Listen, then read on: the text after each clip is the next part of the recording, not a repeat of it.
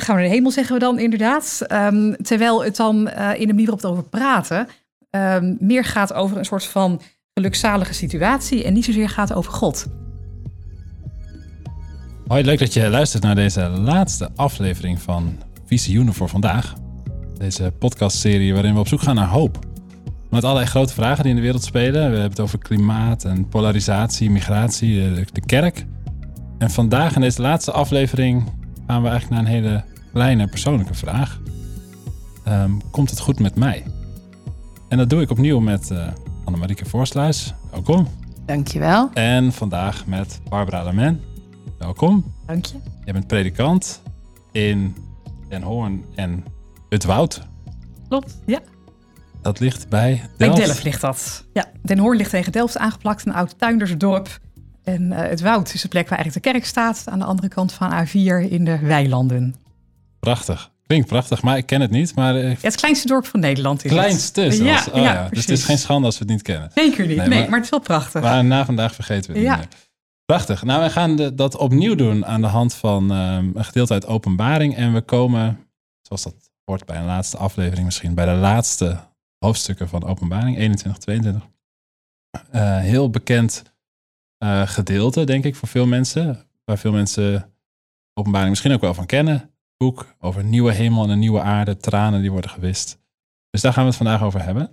Eh, maar ik ben even benieuwd. We beginnen elke keer even verkennen van leeft dit thema nou? Hè? Eh, Annemarieke, is, is het eigenlijk een vraag die jou bezighoudt? Komt het goed met mij in de zin van ehm, een toekomst bij God, hiernamaals, nieuwe hemel en aarde?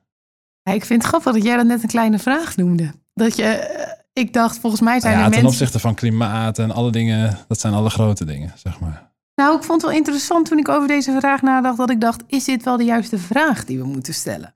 Dus het een beetje het idee van, ja, heel druk bezig zijn met je eigen heil. Is dat wel het juiste, de juiste vraag? Daar ben ik wel benieuwd naar, Barbara, hoe jij daarover over denkt. Ja, nou, ik geloof in de Bijbel komt zeker die vraag naar voren. De persoonlijke vraag eh, van hoe is de verhouding tussen God en mij. Dus dat is zeker reëel. Alleen tegelijkertijd denk ik dat de manier waarop wij die invullen, dat dat ook op een hele westerse manier is. Waarop we ook een beetje een, eh, een slag meegekregen hebben van de verlichting. Waarop we heel erg rationeel zijn gaan denken. En heel erg eh, met onszelf bezig. En ik en mijn geloof en ik en God. Terwijl in de Bijbel het ook veel meer gaat over het grote geheel. Dus dan gaat het zowel over eh, God die persoonlijk naar ons omziet, maar ook God die juist met groepen en collectieven en volken op weg gaat. En Maar jij- ik geloof dat. Van jou betreft is dus deze, eh, het goed zeg maar, dat we aandacht hebben besteed aan al die grote vragen. Daar gaat het ook over in de Bijbel. Maar het is ook legitiem om een hele aflevering te wijden aan de vraag, komt het goed met mij? Ja, alleen die is wel denk ik ingebed ook in komt het goed met de wereld. Dus als het gaat over redding in de Bijbel, dan gaat het over en over persoonlijk geloof eh, van mensen, maar het gaat ook over redding van de wereld. En soms denken we, denk ik, als protestantse christenen of als eh, mensen uit wat orthodoxere achtergrond, waar ik dan uitkom, dat eh, God ons moet redden uit deze verdorven wereld. En ik als enkeling word eruit getild. Mhm. Terwijl het in de Bijbel ook voor mij veel meer gaat over God die de hele wereld op het oog heeft. Dus God wil ons redden met de wereld. En soms worden we een beetje door een soort van heilsegoïsme, denk ik, eh bevangen. Dat we zo erg met onszelf bezig zijn en de rest van de mensheid en de wereld uit het oog verliezen. Hm. Dus ook bij redding gaat het wel ook over het, het hele plaatje. Niet ik uit de wereld, maar wij met de wereld. Ja, ja. Hm. Oké, nou dat eh, klinkt al eh, spannend. Daar gaan we straks dan op terugkomen, denk ik. Ehm, we gaan dat dus doen, eh zei ik al, net als in elke aflevering aan de hand van het boek Openbaring. Ik ga jou straks vragen, Barbara, om ehm gedeelte voor te lezen uit hoofdstuk eh, 21. En ehm, een paar versen uit 22. Ehm, nou hebben we al heel veel over het boek Openbaring gehad. Dus mensen kunnen die afleveringen terugkijken of terugluisteren. Dat gaan we allemaal niet eh, herhalen. Maar misschien kun jij een paar dingen zeggen die nodig zijn om te begrijpen van waar vallen we nou in als we straks in dit hoofdstuk gaan lezen. Wat, waar, waar komen we dan terecht, zeg maar? Dat het, eh, het natuurlijk het slot van de Bijbel is. En het mooie is daarvan dat daar een aantal thema's naar voren komen die in de hele Bijbel eh, ook naar voren komen. En thema's die in de rest van de openbaring naar voren kwamen, komen ook weer terug. Ehm, en het komt ook een soort van climax daarin. En ehm, op dit moment dat we het lezen is de tijd van advent, een tijd van wachten. Maar je zou kunnen zeggen dat eigenlijk ons hele leven als christen een tijd van wachten is. En uh, dat we wachten op de komst van Christus, dat we wachten op de terugkomst uh, van Christus in deze wereld, in onze levens. En dat de hele Bijbel eigenlijk ook een boek is over wachten. Uh, wachten op het beloofde land, wachten op de uittocht, wachten op de, de ballingschap die ophoudt, wachten op de Messias. En dan daarna, waar we nu komen in openbaring, gaat het over eigenlijk het wachten op de eindtijd, wachten op de komst van Christus, de komst van een nieuwe hemel en een nieuwe aarde. En dat komt dan samen eigenlijk in een soort prachtig uh, slotakkoord. Hmm. Um, waarin uh, de grote toekomst ontvouwd wordt. Uh, dus dat waarop wij wachten. wat weer eindigt met eigenlijk een, een hartstochtelijk gebed naar Jezus. Van kom Heer Jezus. kom en red ons uit wat wij onszelf aandoen. Kom en red ons uit wat wij deze wereld aandoen en wat we elkaar aandoen. Um, dus het loopt allemaal uit op een groot hartstochtelijk gebed. en, het, ja, en een prachtige toekomst met het grote visioen. Um, waarin het kwaad er niet meer is en waarin de dood er niet meer is. Uh, en waarin God alles is en in alle. Wauw. Een oefening in wachten. Ja, ik, ik vind het wel interessant, want um, ik ben benieuwd. Uh, Laurens, herken jij erin dat het leven als christen wachten is? Jij dus kennelijk niet? Of, uh... je, je, krijgt, je krijgt nog wel denktijd van me, maar ik zal, ja, ik vind het, ik, ik, ik snap het wel, maar of ik dat nou echt dagelijks zo beleef, dat durf ik niet te zeggen.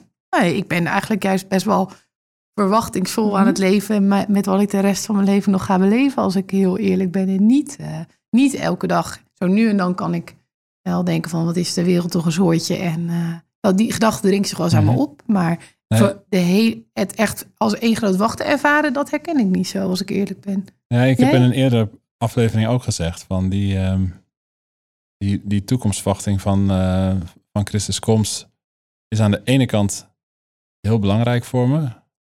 Maar ik merk ook dat er heel veel momenten zijn in het leven dat ik het zo goed heb hier. Of zo in beslag genomen wordt met de dingen hier. Dat ik daar inderdaad helemaal niet mee bezig ben. Dus ik vind dan denk ik ook, oh ja, dan denk ik meteen, dit is misschien ook al een uitdaging om te oefenen in die verwachting. Uh, dus dat het misschien juist ook goed is, zeg maar, om ook als je daar niet van nature mee bezig bent, om dit juist te lezen. En dat we ook juist in deze tijd natuurlijk merken dat wij het zo moeilijk vinden om te wachten. Uh, weet je, in deze tijd van pandemie, uh, dat we weet je, er naar snakken dat het over is en weer normaal is. En dat we verleerd hebben om te wachten en geduld te hebben. Terwijl God juist een God van geduld is. En dat hij het geduld heeft om op ons te wachten. En het geduld heeft om uh, een zwangerschap van negen maanden af te wachten. En het geduld heeft om te wachten tot zijn zoon een volwassen man is. En het geduld heeft door de hele Bijbel heen met al die ups en downs om uh, zijn schepping en zijn mensen terug te winnen. Um, dus God heeft geduld en dat is iets wat wij nog kunnen leren. Ja, volgende dag bezorgd is een beetje wat het langste dat ja. wij kunnen wachten. Precies, ja. ja. ja. En het ook natuurlijk het, het, ongeduld wat we hebben ook vaak een exponent is van ons eigen voorrecht. En dat we het zo ontzettend goed hebben dat we in staat zijn om vandaag te bestellen en morgen in huis te hebben. En dat we vaak in staat zijn om ons leven te plannen. En uh, een leuke studie, een mooie baan, uh, leuk gezin en allerlei andere dingen. En dat we um, daarbij ook. Ja, maakbaar. Ja. ja daarbij een heel erg verwrongen beeld hebben van wat het betekent om mens te zijn. Nou, laten we lezen. Een oefening in wachten op die grote toekomst. Komst van Christus. Waarbij jij leest uit Openbaring 21, uh, eerste acht versen. En dan hoofdstuk 22 nog twee versen, 20 en 21. Ja, hoofdstuk 21. Ik zag een nieuwe hemel en een nieuwe aarde. Want de eerste hemel en de eerste aarde zijn voorbij. En de zee is er niet meer. Toen zag ik de heilige stad, het nieuwe Jeruzalem, uit de hemel neerdalen bij God vandaan. Ze was als een bruid die zich mooi heeft gemaakt voor haar man en hem opwacht. Ik hoorde een luide stem vanaf de troon die uitriep: Gods woonplaats is onder de mensen. Hij zal bij hen wonen. Zij zullen zijn volken zijn en God zelf zal als hun God bij hen zijn. Hij zal alle tranen uit hun ogen wissen. Er zal geen dood meer zijn, geen rouw, geen jammerklacht, geen pijn. Want wat er eerst was, is voorbij. Hij die op de troon zat, zei: Alles maak ik nieuw. Ik hoorde zeggen: Schrijf het op, want wat hier wordt gezegd is betrouwbaar en waar. Toen zei hij tegen mij: Het is voltrokken. Ik ben de Alpha en de Omega, het begin en het einde. Wie dorst heeft, geef ik vrij te drinken uit de bron met water dat leven geeft. Wie overwint, komen al deze dingen toe. Ik zal zijn God zijn en hij zal mijn kind zijn. Maar voor hen die laf en trouweloos zijn geweest, die zich hebben ingelaten met gruwelijke dingen, met moord, ontucht, toverij of afgodendienst, voor allen die de leugen hebben gediend, hun deel is de vuurpoel met brandende zwavel. Dat is de tweede dood. Laatste verse van Openbaring 22.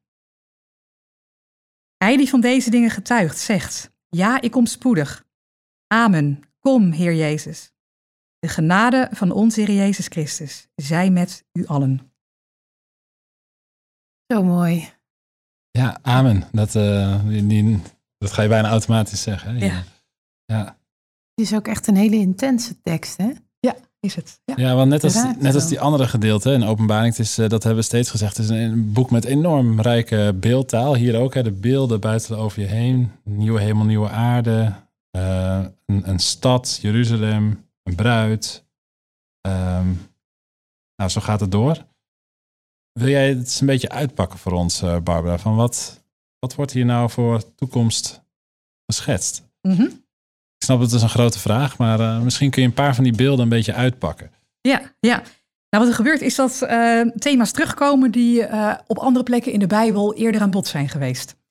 Dus dat bijvoorbeeld de link met, met Genesis, eh, waar de schepping is van, van hemel en af, de schepping van de aarde, de schepping van hemel. Ehm, nu de nieuwe hemel en nieuwe aarde. Er komt ietsje verder ook nog een beeld terug van, van de levensboom. Hebben niet gelezen, maar dat staat ietsje verder ook in hoofdstuk 22. Ehm, dat die levensboom er gaat zijn en eh, leven geeft, vruchten draagt. Dus Ehm, het is een soort nieuwe schepping ook in die Ja. zin. Er wordt, Ja. Het scheppingsverhaal wordt hier opgepakt. en- Precies. Ja, ja, dus God eh, bereikt zijn doel. Eh, dus wat God bedoeld heeft met de eerste schepping, waar een grote barsting kwam en een deuk in kwam. ehm, God is door de hele Bijbel bezig om die schepping terug te winnen. En dat doet hij nou ja, via de profeten die oproepen tot bekering. Dat doet hij via Christus, die voor ons is gestorven en opgestaan. Eh, en uiteindelijk komt de climax dan hier in het scheppen van die nieuwe hemel en nieuwe aarde. Ehm, met een beeld ook van, van een bruiloft. Wat Mhm. ook op andere plekken in de Bijbel terugkomt. ehm, van een grote, groot feest, eh, een grote maaltijd eh, die er dan zal zijn. Ehm, dat God zal wonen bij de mensen. Dat is natuurlijk eerder gebeurd dat God woonde bij de mensen. Toen in het begin dat God zich openbaarde aan Mozes en met het volk ging meetrekken. was er de tabernakel, dat God eigenlijk ook daar min of meer in woonde. Maar dan Mhm. op een manier dat het volk niet dichtbij kon komen. Ehm, omdat eh, God heilig is en wij niet. Dus wij kunnen voor God niet bestaan. Eh, maar dat eh, God eigenlijk steeds dichterbij komt. Dus hier ook weer, zeg maar, bekende the- thema's, bekende verhalen. We hebben al het Oude Testament of het Eerste Testament. Daar lezen we al over God die met het volk Israël Ja. onderweg is, bij hen woont. Dan Ja. in de vorm inderdaad een soort fysiek in een tent of zo, hè, Ja, in de woestijn. Maar met allerlei beperkingen. Ja. Mensen kunnen niet te dichtbij komen. En hier zeg jij, wordt dat weer opgepakt, maar ook weer in een soort overtreffende trap. Dus eh, Precies. schepping wordt opgepakt. Ja. Maar dan, het is nieuw, het is vernieuwd. Niet meer met Ja. al die Nee. schade die, er, zeg maar, die we nu om ons heen zien. zonde. Alle zonde. Klopt. Klopt. Ja. En dat is dus met dat wonen ook. Jij zegt hier opnieuw wordt gezegd, God woont bij de mensen, maar nu hij komt dichterbij dan dat hij ooit is geweest. ja, klopt. En natuurlijk dat wonen bij mensen is natuurlijk wat over Jezus ook staat. Ehm, dat God kwam wonen eh, bij ons in Jezus. Ehm, maar dat dat natuurlijk eh, beperkt was tot eh, die ene plaats en die ene tijd. omdat God mens werd. Ehm, dus daarmee ook de beperkingen van tijd en plaats aannam. En hierbij, laten we zeggen, op een nieuwe manier bij ons kan zijn zonder beperkingen eigenlijk. En, en het mooie inderdaad van, er zal geen dood meer zijn, geen rouw, geen jammerklacht. Dat, weet je, de zee zal er niet meer zijn. Ehm, dus ook een beeld wat terugkomt dat Dat de is zee... jammer dat er geen zee meer is, toch? Nou ja, dat, wij vinden de zee leuk. Eh, alleen als je natuurlijk eh, leeft met de gevaren van de zee... en als je bijvoorbeeld de watersnoodramp hebt meegemaakt... dan kijk je anders tegen de zee aan. Ja, het is hier ook primair een beeld, denk ik. Hè? Van, Ja, dat in de Bijbel de zee het beeld is voor chaos, chaosmachten. dat het de beeld is voor, voor dood. Dus bijvoorbeeld als staat van Jezus, hij wandelt over de zee. ehm, dat, dat wonder, dan is dat niet eh, om te zeggen van kijk eens, eh, dat kan hij ook nog. eh, Mhm. Wat voor trucje. Eh, maar dan is het dan ook al in het evangelie een, eh, een, eigenlijk een beleidenis van eh, God is sterker dan de dood. Jezus is Ja. sterker dan de dood. Oh, mooi. En dat, eh, en dat komt hier ook weer terug van dat zal er niet meer zijn. Wauw, dus jij zegt, eh, en je mag er straks dingen aan toevoegen nog, maar ehm, met allerlei beelden die voor de eerste lezers dus waarschijnlijk ook heel bekend waren. Hè? Uh, gelovigen die, Ja. die, die dat Oude Testament, eh, de Hebreeuwse Bijbel kenden. Met allerlei beelden wordt hier een toekomst geschetst die enerzijds bekend is. Ja. En tegelijkertijd steeds wordt een stap verder gaat. De, Ja. eh, het is mooier dan dat het ooit Ja. geweest is. Geen dood meer, geen rouw meer. Schepping maar helemaal nieuw. Echt God bij ons wonen, niet meer beperkt, niet meer, geen afstand. Ik merk dat ik het heel mooi vind en tegelijkertijd ook nog een beetje hoog over. Ja, ja. Dat ik denk van, en een nieuwe hemel en een nieuwe schepping. Ehm, en eh, geen rouw en geen Ja. jammerklacht. Dat het Ja. ook een beetje vaag blijft Ja. nog. Merk ik. Een beetje Maar denk, ik denk ook dat het, ehm, het altijd uitmaakt van eh, in welke situatie lezen wij de Bijbel. Ehm, dus lees ik de Bijbel eh, vanuit mijn comfortabele huis in mijn luie stoel, zoals ik heel vaak de Bijbel lees, vanuit mijn fijne leven. Of lees ik de Bijbel vanuit een situatie waarin ik direct te maken heb met, met onderdrukking, met onrecht, met dood, met verdriet. Ehm, dus dat die context ook ontzettend eh, bepaalt eh, hoe je het hoort. Ja. En ook bepaalt van eh, het evangelie wat goed nieuws is. In hoeverre hoor ik dat als goed nieuws? Ja, en dat hebben we ook een aantal keer gezegd, inderdaad, teruglezend van het, dit boek Openbaring is ook in eerste plaats een brief aan allerlei concrete gelovigen Ja. in een concrete tijd in de eerste eeuw, Ja. die, denken we, het heel lastig hadden. Ja. Eh, soms te maken hadden met vervolging. En dus dan lees je het heel anders. Ja, ja. En da- zou het dan concreter worden, denk je, Annemarie? Nou, er is iets waar ik wel, ehm, wat ik wel redelijk concreet vond. Dat Ja. jij zei, ja, God is eigenlijk de hele Bijbel bezig om zijn schepping terug te winnen. Ja. En dat, ehm, dat, dat vind ik wel hoopvol. Dat hij eigenlijk probeert om die schepping weer heel te maken. En ik was wel benieuwd of ehm, je persoonlijk geloof daar dan nog een rol in heeft. Want hij, hij kan natuurlijk ook, ja, dat is, mijn, dat is mijn idee. Ik ben benieuwd of jij dat ook zo ziet. Door ons die schepping proberen te herwinnen. Doordat hij je een liefdevoller mens maakt. Doordat hij je gebruikt om eh, andere voor andere mensen te zorgen. Dat wij ook, eh, dat hij ook via ons een stukje van die schepping terugwint. Zit ik daar op het goede spoor? Of, eh, Nou, ik geloof wel dat wanneer we geloven dat dan de Heilige Geest in ons werkt.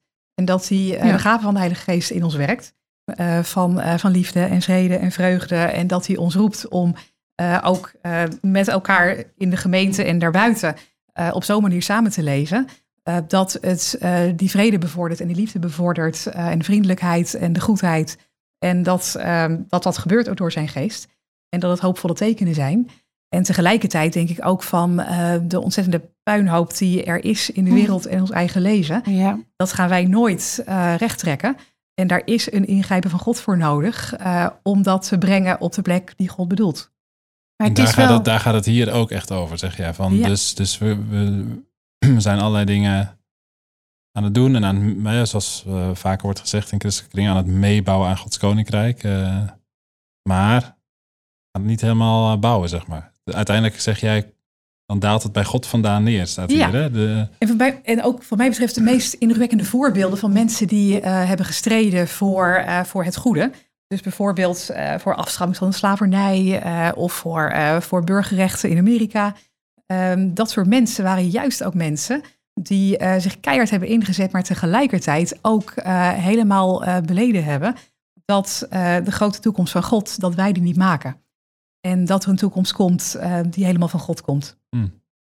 ik, ik stel voor dat we hier straks nog even op terugkomen. Want ik wil aan het eind even terugpakken. Van, we hebben het in die eerdere aflevering gehad over al die grote wereldproblemen. En dan gaan we nu eh, deze aflevering meer praten over komt het goed met mij. Mhm. En dan even straks aan het eind van hoe verhoudt zich dat. Ehm, maar ik ben eerst nog even benieuwd uit die tekst. Want we hebben nu Ja. een paar mooie dingen. eh, of hele mooie dingen. Een beetje uitgepakt. Een klein beetje pas, maar Mhm. toch. Ja. Maar we hebben ook vers 8 gelezen. Ja. Voor hen die laf en trouwloos zijn geweest. Moord, ontucht. Voor hen is een vuurpoel met brandende zwavel de tweede dood. Waar gaat het over? Dat ik geloof dat eh, de Bijbel door ehm, God ook zegt dat ehm, Hij ons leven serieus neemt. En dat God onze keuze serieus neemt. En dat eh, de hele Bijbel ook gewoon één grote hartstochtelijke oproep is eh, om te geloven en te bekeren en eh, naar Jezus toe te gaan. Ehm, en dat er rondom Jezus, dat daar eh, ook keuzes vallen. Uh, dus wat je ook ziet in het evangelie. Er zijn mensen die naar Jezus toe rennen om te worden genezen en die hem volgen en die bij hem zijn. En er zijn ook fariseeën en schriftgeleerden en mensen in, nou ja, op hoge, hoge plekken die beseffen van dit heeft een effect op onze macht, onze positie. En die helemaal niet blij zijn met Jezus. Um, dus ik geloof wel dat er in de Bijbel gesproken wordt over um, dat er een keuze is en dat we worden opgeroepen om te kiezen voor het leven. Mm -hmm. en dat er een mogelijkheid bestaat dat we ook tegenkiezen. En dan komen we een vuurpoel met brandende zwavel terecht. Ik geloof dat er in de Bijbel meerdere beelden worden gebruikt voor um, wat het betekent als je uh, na dit leven niet bij God zou zijn. Um, en er zijn beelden die um, op deze manier het invullen, inderdaad. Um, er zijn ook mensen die zeggen nou, dat het meer een, uh, een eeuwig niets is. dat, uh, dat het niet een soort eeuwige straf is, maar dat je er dan niet meer zult zijn. natuurlijk ook mensen die uh, het, maar zeggen, de hel meer zien als een soort doorgangsplek. en dat uiteindelijk God erop uit is om alle mensen terug te winnen. Er zijn ook teksten weet je, die zeggen dat elke knie zich zal buigen voor Jezus. Um, dus mensen zeggen, nou, ik geloof dat iedereen uiteindelijk toch er komt door een hel heen. Mm um, kijk, ik, ik denk dat wij kleine mensen zijn en ik zeker ook, dus dat onze bescheidenheid past. Maar ik vind wel dat um, de mogelijkheid van twee uh, opties, laat maar zeggen, van twee toekomsten, mm -hmm. uh, dat het ook iets is wat Jezus zegt. dus dat het hier staat is niet zomaar dat het opeens uh, uit de hoge hoed een verrassing nee, is. Niet een soort uitgeschoten pen van van Johannes in, uh, in dit Bijbel. Nee, ik denk dat Jezus heeft ook, die heeft ook een aantal gelijkenissen verteld waarin hij het ook heeft over de, de tien uh, wijze meisjes en, en mm -hmm. meisjes. En dan zeg jij de beelden die daarvoor worden gebruikt en, en dus ook de zeg maar, interpretaties uh, die, die verschillen wel. Of het letterlijk een, een vuurpoel is of zo, dat, dat weten we misschien niet. Maar het is wel een, echt een realiteit van een toekomst na dit leven niet bij God. Zijn... Dat is wel hoe ik de Bijbel lees dat dat. Uh... Ja, want dan komen, we, dan komen we bij die vraag natuurlijk, hè, van komt het goed met mij? Uh, en ik denk dat heel veel. Ja, dit kan je natuurlijk ook heel angstig maken, zulke, zulke beelden. Uh, ja, en dat je. Wel, ja, ja, ik ben, maar ik ben eigenlijk wel even benieuwd, misschien om het meteen dichtbij te brengen. Als ik jou zou vragen, Annemarieke, komt het goed met jou? Ik ehm, vind dat een lastige vraag. En ik, uit geloofsperspectief wil ik ja zeggen. Dat ik denk, ja, ik mag geloven dat het goed met mij komt. Maar ik vind het. Um, ik, vind, ik word ook getriggerd door wat jij zegt. Van ja, weet je, jij, je daden leiden ook ergens toe.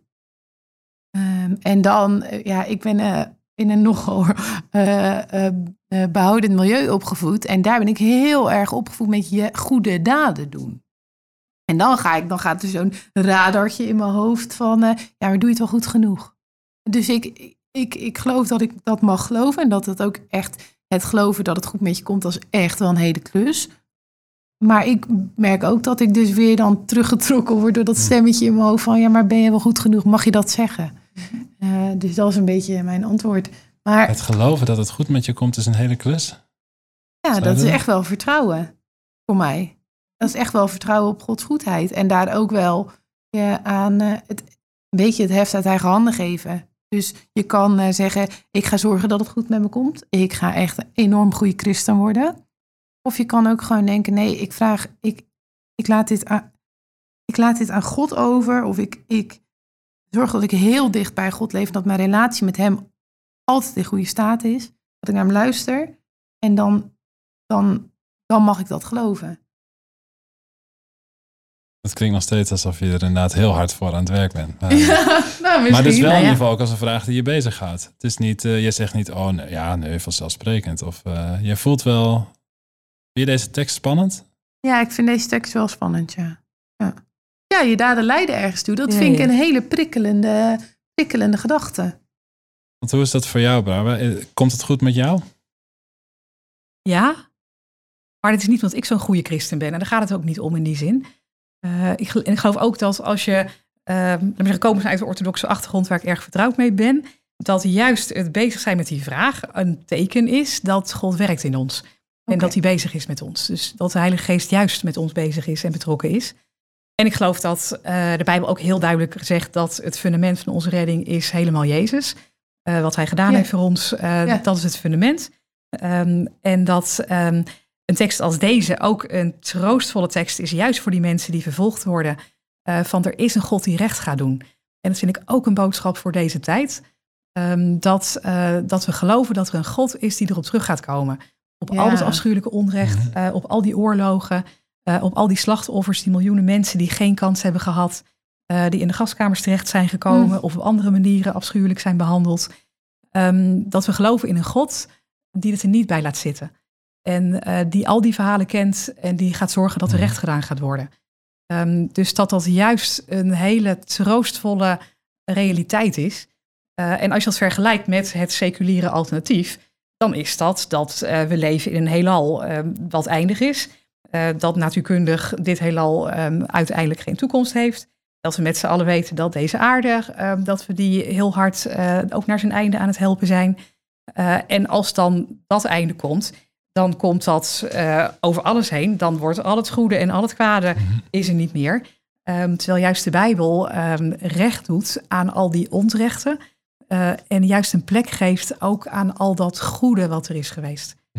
En dat juist herstelt en transformeert. Je kan Ja. echt wel een beetje nu merk dat ik geagiteerd word. Als je denkt, ja, na dit leven is er niks. En de, de wereld is eindig. Dat ik denk, wij zijn toch niet gemaakt om dood te gaan. De, de hele, alles wat leeft op deze aardbol is toch niet Ja. gemaakt voor eindigheid. Precies, precies. Juist als ik, Ja. dus ik kan, ik kan best wel zo nu en dan God ingewikkeld vinden en het hele concept. Maar als ik denk, ah, maar dit is echt zo mega obvious dat er, ehm, dat Ja. er geen eindigheid is. Ja. Ja, dat, ik voel Ja. dat niet helemaal op hetzelfde met je meedenken. Ik hoor, Ja. ook, ik hoor ook regelmatig ook christenen zeggen van, nou, ja, weet je, misschien als het, misschien dood is dood, het klaar is, misschien is het ook wel prima. Nou ja, ik vind het zelf heel, eigenlijk heel troosteloos als het over zou zijn. Weet je, want zou dan al die liefde, zou dat dan allemaal weg zijn? Eh, zou dan al die goedheid weg zijn? Eh, zou dan, eh, zouden wij niet meer voor God bestaan dan? Wat is het, laat maar zeggen, het, de waarde van, van het hele leven hier? En ik geloof wel dat God ons geschapen heeft, heeft aangelegd op de relatie met hem en met elkaar. Ehm, en dat, maar dat die, eh, dat, die, dat eeuwige leven niet een soort van logisch vervolg is van hier, eh, maar iets van een nieuwe daad die God doet. Dus niet als een soort van lijntje van het loopt automatisch door. Dat maak ik, merk ik wel veel dat mensen, Mhm. ook christenen, eh, vaak op een, vind ik, een onbijbelse manier denken over het leven hierna. Ehm, bijvoorbeeld dat we een idee hebben soms van, eh, oké, ons lichaam eh, is dan in het graf of gecremeerd, eh, maar onze ziel die eh, leeft een soort van lineair voort, Mhm. eh, als een soort van rechte lijn. En ehm, het komt natuurlijk ook wel aardig naar Ja, voren. dan gaan we naar de hemel, zeggen we dan. ja, dan gaan we naar de hemel, zeggen we dan inderdaad. Ehm, terwijl het dan in de manier waarop we erover praten, ehm, meer gaat over een soort van gelukzalige situatie en niet zozeer gaat over God. Ehm. En wat je ook terugziet in bijvoorbeeld met je moderne liedjes, bijvoorbeeld volgens mij in de top 10 van eh, liedjes bij begrafenissen staat het liedje van Marco Borsato van afscheid nemen bestaat niet. Mhm. Wat natuurlijk uitgaat van datzelfde idee van eh, je ziel leeft voort op de een of andere manier. Dus er is geen afscheid. eh, dus het, het loopt gewoon allemaal lekker door. En, eh, en een ander idee bijvoorbeeld, wat we ook wel soms, eh, wat ik ook tegenkom, dat eh, mensen zeggen, ja, opa is nu een sterretje geworden. Dus het idee Mhm. dat je na je dood een soort van opgaat in het Maar al. wat is een christelijk idee dan? Wat, wat zegt deze tekst dat, dat wij, als wij eh, ons leven aan Christus gegeven hebben, dat we dan eh, bij hem bewaard worden eh, voor de eeuwigheid. En dat ehm, ik meer geloof dat de hemel in de Bijbel is de plek waar God is. En dat wij bij God bewaard worden tot de dag van de opstanding. En dat we uiteindelijk bedoeld zijn om te leven op die nieuwe aarde. Dus dat het daar uiteindelijk om gaat. Om dus ook nieuwe schepping, ook dus weer Ja. in fysieke zin, zeg maar. Ja, ja, precies. Ja. Ik merk eh, wat ik wel interessant vind aan deze discussie, dat we heel vaak een beetje dat proberen te grijpen. Jij zei net ook al eerder, ehm, de hemelse plek waar God niet meer bij plaats en tijd bepaald wordt. Ehm, hier- toen uh, Laurens en ik het voorbereiden, hadden we het al over de notie eeuwigheid. En Ja. Laurens werd daar een beetje zenuwachtig van, Ja. eh, dat eeuwigheid al heel ik vind lang dat een duurt. heel beangstigend idee, ja. Het idee, dus dat is nog een ander. Je zou sommige mensen zeggen, ja, misschien is het ook wel prima als het over is. Ehm, een heel andere gedachte dus bij eeuwig leven, die ik in ieder geval heel erg heb, is van, als ik me daar dus een voorstelling van probeer te maken, vind ik dat doodeng. Mhm. Het gaat maar door en door en door. En ik denk, ah, help. Ja, maar eeuwigheid is toch juist geen tijd meer? Volgens mij denk je niet als je in de eeuwigheid zit, dit gaat nog heel lang duren. Nou ja, het is dat je meer in de, denk ik, in de sfeer van God. In die zin dat bij God nu ook al duizend jaar is als één dag en één dag als Ja. duizend jaar. Ehm, dus dat tijd het hoort bij deze aarde en Ja. deze constellatie. En dat wij het ons alleen maar kunnen voorstellen als iets wat dan ehm, een soort van uitrekken is van wat we nu al hebben. Ehm terwijl er ook teksten zijn waar je uit zou kunnen afleiden dat eh, er wel een soort van maatschappij, samenleving eh, is straks, waar ook gewoon je een Mhm. taak kan hebben en kan werken. Maar ik denk dat ehm eh, bijbels gezien, wat volgens mij als het gaat over eeuwig leven, eh, wat dan naar voren komt, dat zijn dingen als, ehm, weet je, we zeggen de, dat het gaat over het aanbidden van God. Weet je, dat we ons, ons geven aan Hem, dat we Hem aanbidden. En in openbaring komt een paar keer ook het beeld voor van dat er een, weet je, een koor is. Wat ook een mooi beeld is, want in een koor heb je gewoon je eigen stem. Dus je bent wel je eigen identiteit, maar je wordt wel opgenomen in het, het samen zingen en Mhm. samen zijn. Eh, en dat het gaat volgens mij over ehm, een soort van ehm, ja, perfecte gemeenschap met elkaar. Ehm, dus dat God natuurlijk ook in zichzelf, eh, Vader, Zoon, Heilige Geest, ja, een perfecte gemeenschap is. En dat wij daarin eh, ook nou, mogen meedoen met al die andere mensen. Eh, en dat een ander beeld wat in de Bijbel vaak voorkomt, is het van een maaltijd. Dus het samen eten, het, eh, het samen eh, met elkaar ook naar die gemeenschap rond, eh, rond voedsel. Het zijn ook- allemaal, allemaal hele relationele beelden. Ja. Hè? Van, Ja. je noemde net ook even samenleven. Van ehm, harmonie. Tegenovergestelde van eenzaamheid. precies. Ja. En dat we, als ik, als zeg maar die, die angsten van mij voor eeuwigheid, dat, dat is gekoppeld aan een soort beeld van, dan zie ik mezelf vallen of zo, eeuwig doorvallen, zoiets. Maar dat is een heel eenzaam beeld. Dat is, Ja, ja. en dit zijn beelden van eeuwigheid, ja, ook in een beeld dan hoor, maar bijna meer van een eeuwige omhelzing of zo, weet je Ja, wel? Eh, een eeuwig. En wat ook een mooie focus is, denk ik, voor ons leven nu. Want als dan als straks in de eeuwigheid, als het gaat om het aanbidden van God, om het eh, perfecte gemeenschap vormen met elkaar en samen maaltijd eh, hebben, net zoals het avondmaal, eh, dat het ook betekent voor nu, eh, focus daarop. Dus eh, focus op het aanbidden van God, focus op die gemeenschap met elkaar, focus op die gezamenlijke maaltijden. Ehm, want dat is ook uiteindelijk ehm, waar het om gaat. En ook van het mooie van ons leven, je doet het toe. Hè? Want er komt in een stukje ietsje verder in hoofdstuk 21, ehm, komt er een ander aspect naar voren. wat ik ook nog even wil, wil lezen. Dat is het laatste stukje van hoofdstuk 21. Dan gaat het over die, die stad, het Nieuwe Jeruzalem. Eh, met al die poorten en eh, alle edelstenen. En God die dan eh, de lichtbron is. En hij is er en er staat dan over de volken. Er staat, de volken zullen in haar licht leven en de koningen op aarde betuigen daar hun lof. De poorten zullen overdag nooit gesloten worden en nacht zal het niet meer zijn. En dan staat er, de volken zullen in haar hun lof en eer komen betuigen. En dat komt later ook nog een keertje terug. En dat vind ik ook wel heel mooi. Dat, dat geeft iets aan dat de, waarvan je kan zeggen dat de volken eh, datgene wat mooi en wat goed en wat eh, werken van barmhartigheid waren op aarde, eh, zullen brengen in dat nieuwe Jeruzalem. Dus ook iets van erkenning van al die prachtige voortbrengselen die mensen hebben Mhm. gedaan op een goede manier. Ehm, die worden binnengebracht in het nieuwe Jeruzalem blijkbaar. En ook gelijk een kritische vraag naar onszelf van wat zijn dan die, nou ja, die goede dingen, eh, die lof en eer van die volken, ehm, wat eh, van ons daarin binnengebracht wordt. Ehm, weet je, als volk, Mhm. maar ook mij persoonlijk. Ja. Ja, dus ik merk inderdaad, een aantal keer maak jij een, ehm, eh, een koppeling tussen eh, hoe zo'n dit visioen van de toekomst een schaduw vooruitwerpt als het ware. Volgens mij heb je verschillende dingen gezegd, want je had het net over onrecht. En dat dus het geloof dat dingen ooit rechtgezet worden heel belangrijk is. Juist als je te maken krijgt met onrecht. Dat dat hoop, hoop geeft en kracht om, om vol te houden. En, eh, en nu zeg je ook dus de andere kant van... Er is ook de positieve kant van al het goede, al het mooie. Alles wat we opbouwen in ons leven, waar we in ons werk, in ons gezin of wat dan ook. Gewoon alle dagelijkse dingen die we doen. Toch zo, zo hoor ik wat je zegt. Alles wat we aan goeds doen, krijgt daar een plek of zo. Dus het is allemaal niet even pruts en straks is het allemaal weg. Maar jij zegt nee, het heeft echt eeuwigheidswaarde. De dingen die we doen. Dus dat geloof ik wel. En natuurlijk weet ik ook niet hoe het dan precies eruit ziet. Maar ik vind het wel eh, fascinerend dat er zo'n beeld is. Dat er blijkbaar de volken brengen iets die stad binnen. Weet je, en wat is dat dan? Uh, en dat is misschien iets heel anders dan wat wij verwachten. Weet je, en dat zal uh, zeker niet uh, de roemruchte VOC-tijd zijn. Um, weet je, wat niet door het oordeel heen komt, um, maar wat dan wel. En, mm -hmm. en dat zijn misschien meer de dingen die in het verborgen zijn gebeurd. Ik moest denken aan um, de gelijkenis die Jezus vertelt over, weet je, over geven. Of over het verhaal van de weduwe die een, een penning, een heel klein mun muntstukje, ja. gooit in die collectebus bij de tempel. Mm -hmm. En dat hij er meer in gegooid heeft dan de rijke mensen die uit hun overvloed mm -hmm. hebben gegeven. Dus misschien is het wel, maar zeggen, die penning van de weduwe die dan binnengebracht wordt. En die uh, in het licht van de eeuwigheid meer ja. waarde heeft gehad dan al die dan grote dingen, dingen, van machthebbers. Ja. Maar de dingen die je goed doet, hebben eeuwigheidswaarde. En de dingen die je niet goed doet, die, hebben die ook eeuwigheidswaarde?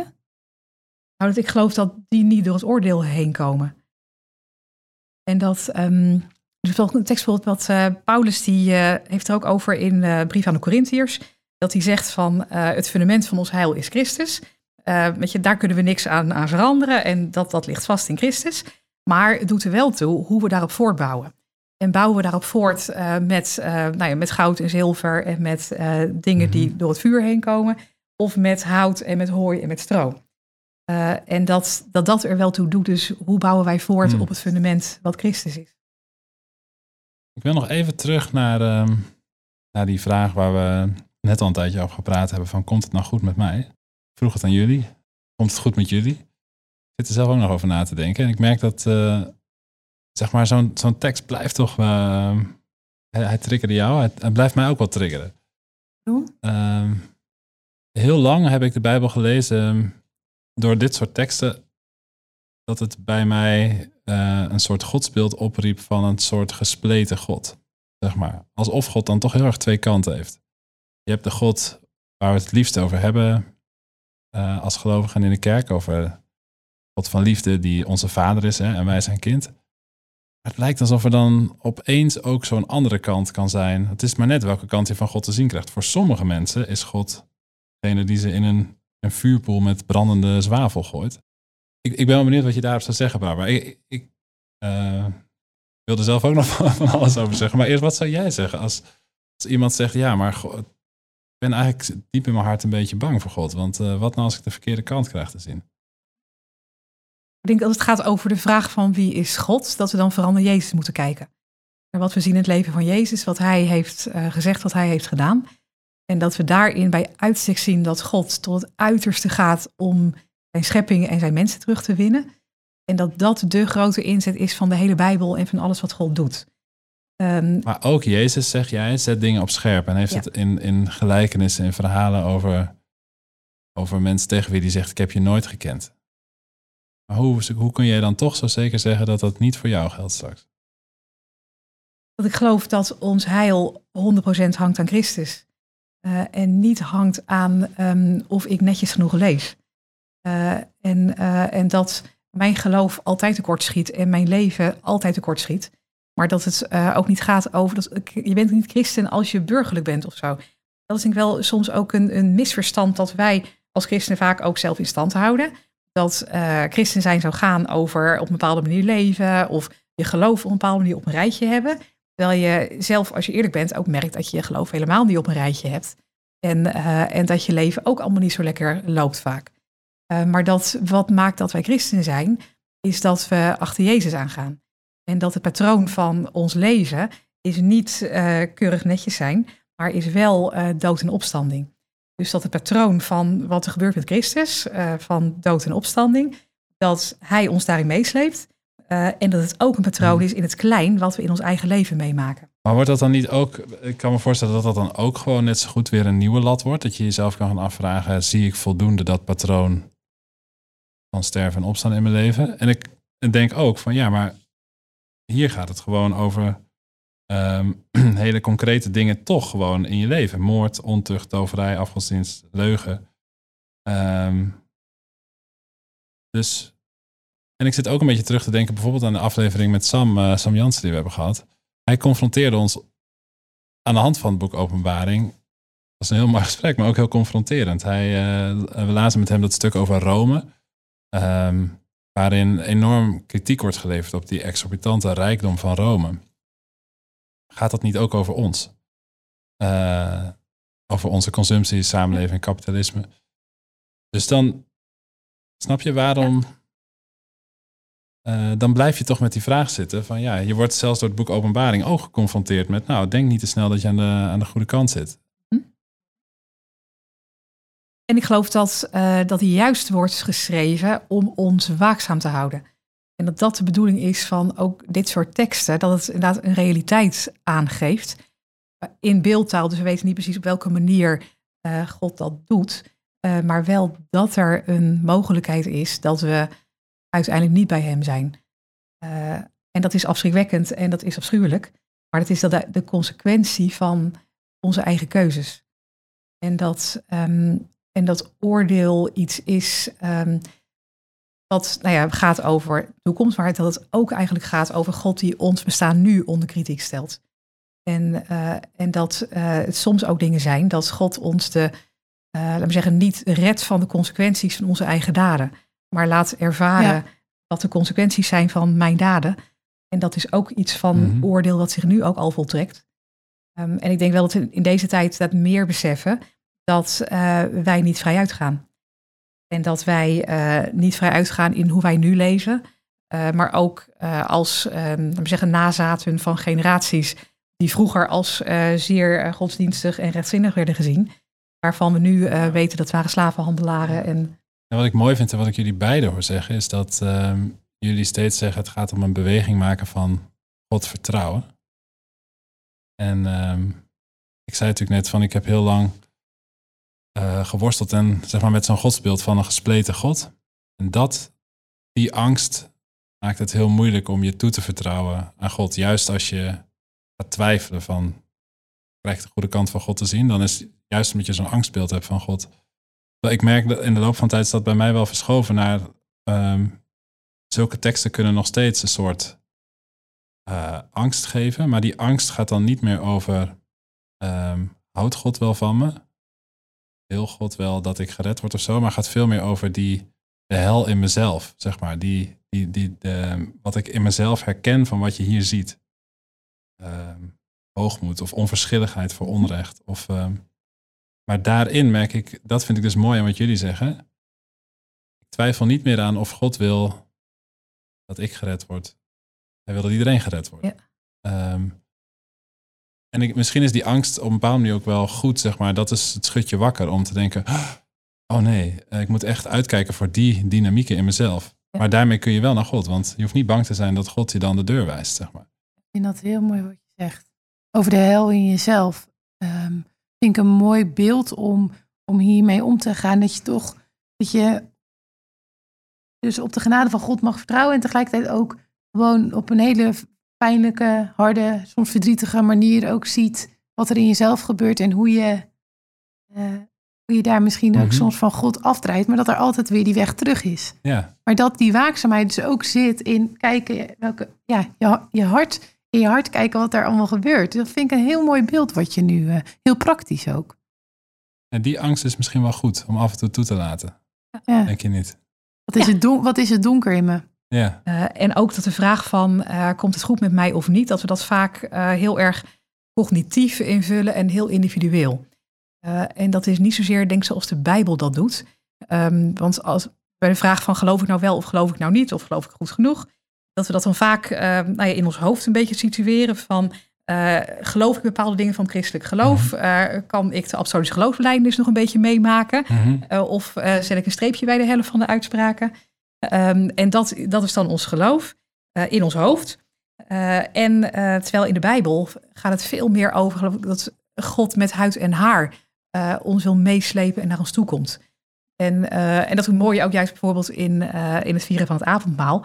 Dat het daar niet zozeer primair gaat over heb ik nou cognitief op dit Mhm. moment alles goed op een rijtje. Want wat zou dan de vraag kunnen zijn die je zelf stelt? Nou, kan ik mezelf net met huid en haar um, toevertrouwen aan Jezus en uh, struikel ik achter hem aan in die hele grote stoet van mensen door de Hmm. eeuwen heen. Leef Um, ik als het ware open? Mag mijn hele leven... Ja, en dat, uh, en dat we misschien tot onze eigen verrassing uh, in die stoet mee, mee struikelen. samen met al die andere mensen. Hmm. En dat geloven niet alleen maar iets is wat ik zelf doe, Ja. maar wat we juist samen doen. En ik denk het beeld van um, het wonder bij Jezus, dat dan vier vrienden met zo'n draagbaar komen waar die ene vriend op ligt, uh, die verlamd is. En dan wordt hij bij Jezus neergelaten. Mm -hmm. En dan gaat Jezus die man genezen. En dan staat er toen Jezus hun geloof zag. Ja. Dus dan ja, iets wat collectief was. En we weten niet, is het nou het geloof van die vrienden? Of die man die verlamd was, geloofde die ook of niet? Of vond hij het helemaal geen goed idee?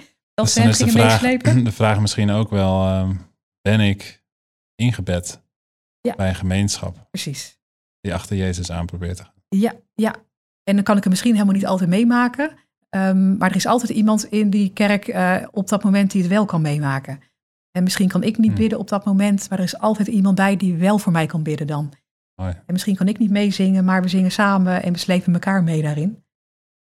mooi. Het is mijn rol om op de tijd te letten. De tijd zit er alweer bijna op.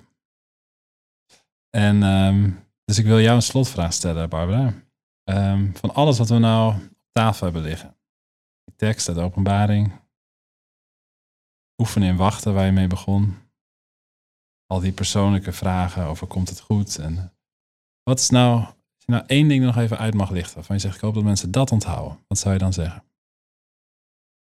Mm, Dat ons leven meer een gebed eh, zal zijn. Van kom Heer Jezus.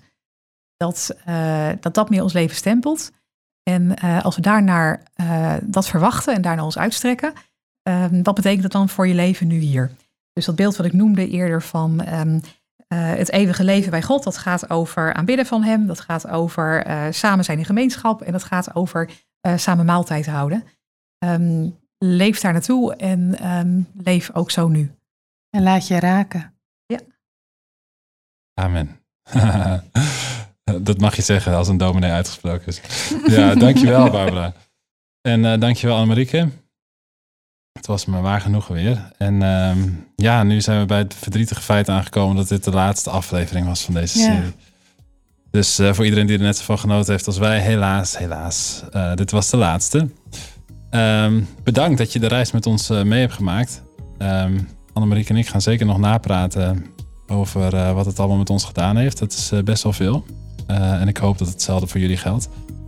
Ehm, bedankt dat je luisterde. Ik zou zeggen, blijf Petrus, het platform volgen.